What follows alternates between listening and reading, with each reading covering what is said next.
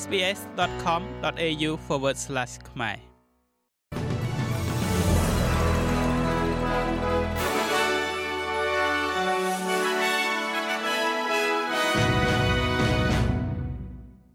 សូមស្វាគមន៍មកកាន់នេតិព័ត៌មានខ្លីៗរបស់ SBS ខ្មែរសម្រាប់ថ្ងៃប្រហ័សទី14ខែកញ្ញាឆ្នាំ2023 មនុស្សជាង5000នាក់បានស្លាប់និងចង្ហោចណាស់10000នាក់ទៀតកំពុងបាត់ខ្លួននៅក្នុងទឹកជំនន់ដែលបណ្ដាលមកពីខ្យល់ព្យុះមេឌីទែរ៉ាណេដ៏ធំមួយក្នុងប្រទេសលីប៊ីនៅក្នុងទីក្រុងដឺណាជាទីក្រុងដែលមានប្រជាជនចំនួន125,000នាក់រស់នៅ បានបាក់ទំនប់ទឹកបោកហូរនាំអាគារជាច្រើននិងបានបំផ្លិចបំផ្លាញប្រមាណជាមួយភាគ4នៃទីក្រុងដែលស្ថិតនៅឆ្នេរសមុទ្រភាគខាងកើតមួយនេះសង្កាត់ទាំងមូលត្រូវបានទឹកហូរនាំយកទៅ ហើយលោកមូហាម៉េតអាល់ឆាប៊ីស៊ីប្រធានមន្ទីរពេទ្យវ៉ាដាបាននិយាយថាមនុស្ស1700នាក់បានស្លាប់នៅក្នុងសង្កាត់មួយក្នុងចំណោមសង្កាត់ចំនួន2របស់ទីក្រុងនេះហើយ500នាក់ទៀតបានស្លាប់នៅក្នុងសង្កាត់មួយទៀត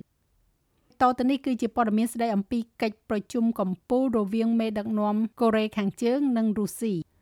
មេដឹកនាំកូរ៉េខាងជើងលោកគីមចុងអ៊ុននិងប្រធានាធិបតីរុស្ស៊ីលោក Vladimir Putin បានជួបប្រជុំគ្នានៅក្នុងកិច្ចប្រជុំកំពូលដ៏កម្រមួយដែលពួកគេបានពិភាក្សាគ្នាអំពីបញ្ហាយោធា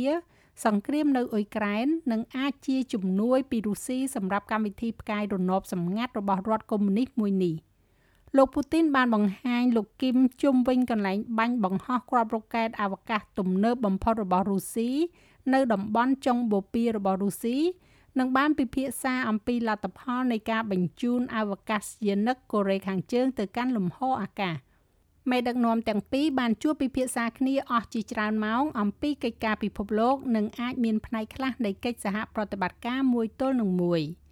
មន្ត្រីអាមេរិកនិងកូរ៉េខាងត្បូងបានសម្ដែងនៅការព្រួយបារម្ភថាលោកគីមអាចផ្ដល់អាវុធនិងគ្រាប់រំសេវដល់រុស្ស៊ី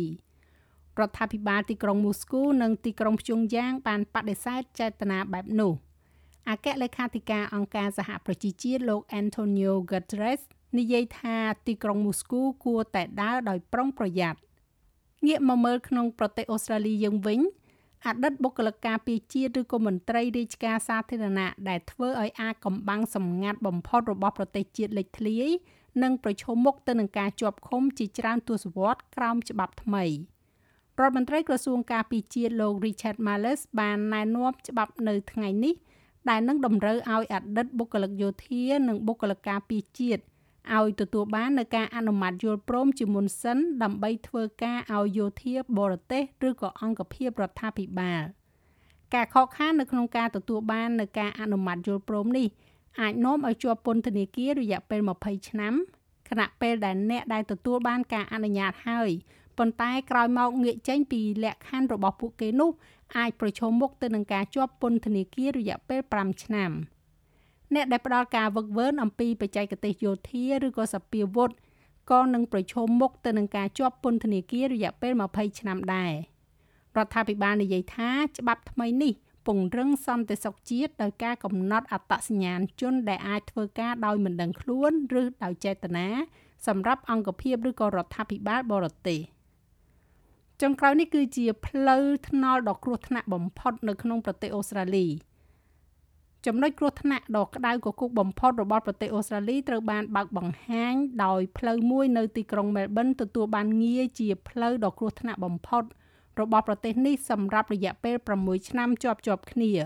Plenty Road នៅតំបន់ Bandura នៅភាគឦសាននៃទីក្រុង Melbourne ត្រូវបានគេដាក់ឈ្មោះថាជាចំណុចគ្រោះថ្នាក់បំផុតរបស់ប្រទេសអូស្ត្រាលី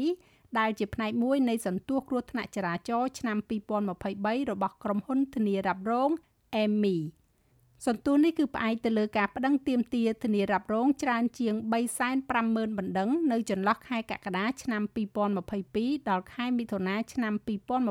2023ចំណុចគ្រោះថ្នាក់ចរាចរណ៍ជាងគេបំផុតរបស់ទីក្រុងស៊ីដនីគឺផ្លូវ Hume Highway នៅក្នុងតំបន់ Liverpool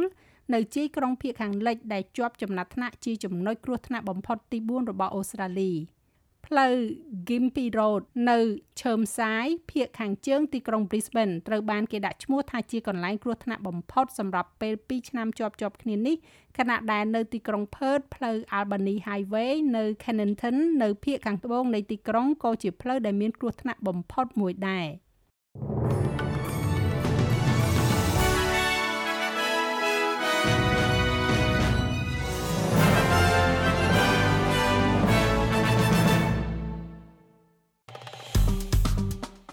like share comment និង follow SPS ខ្មែរនៅលើ Facebook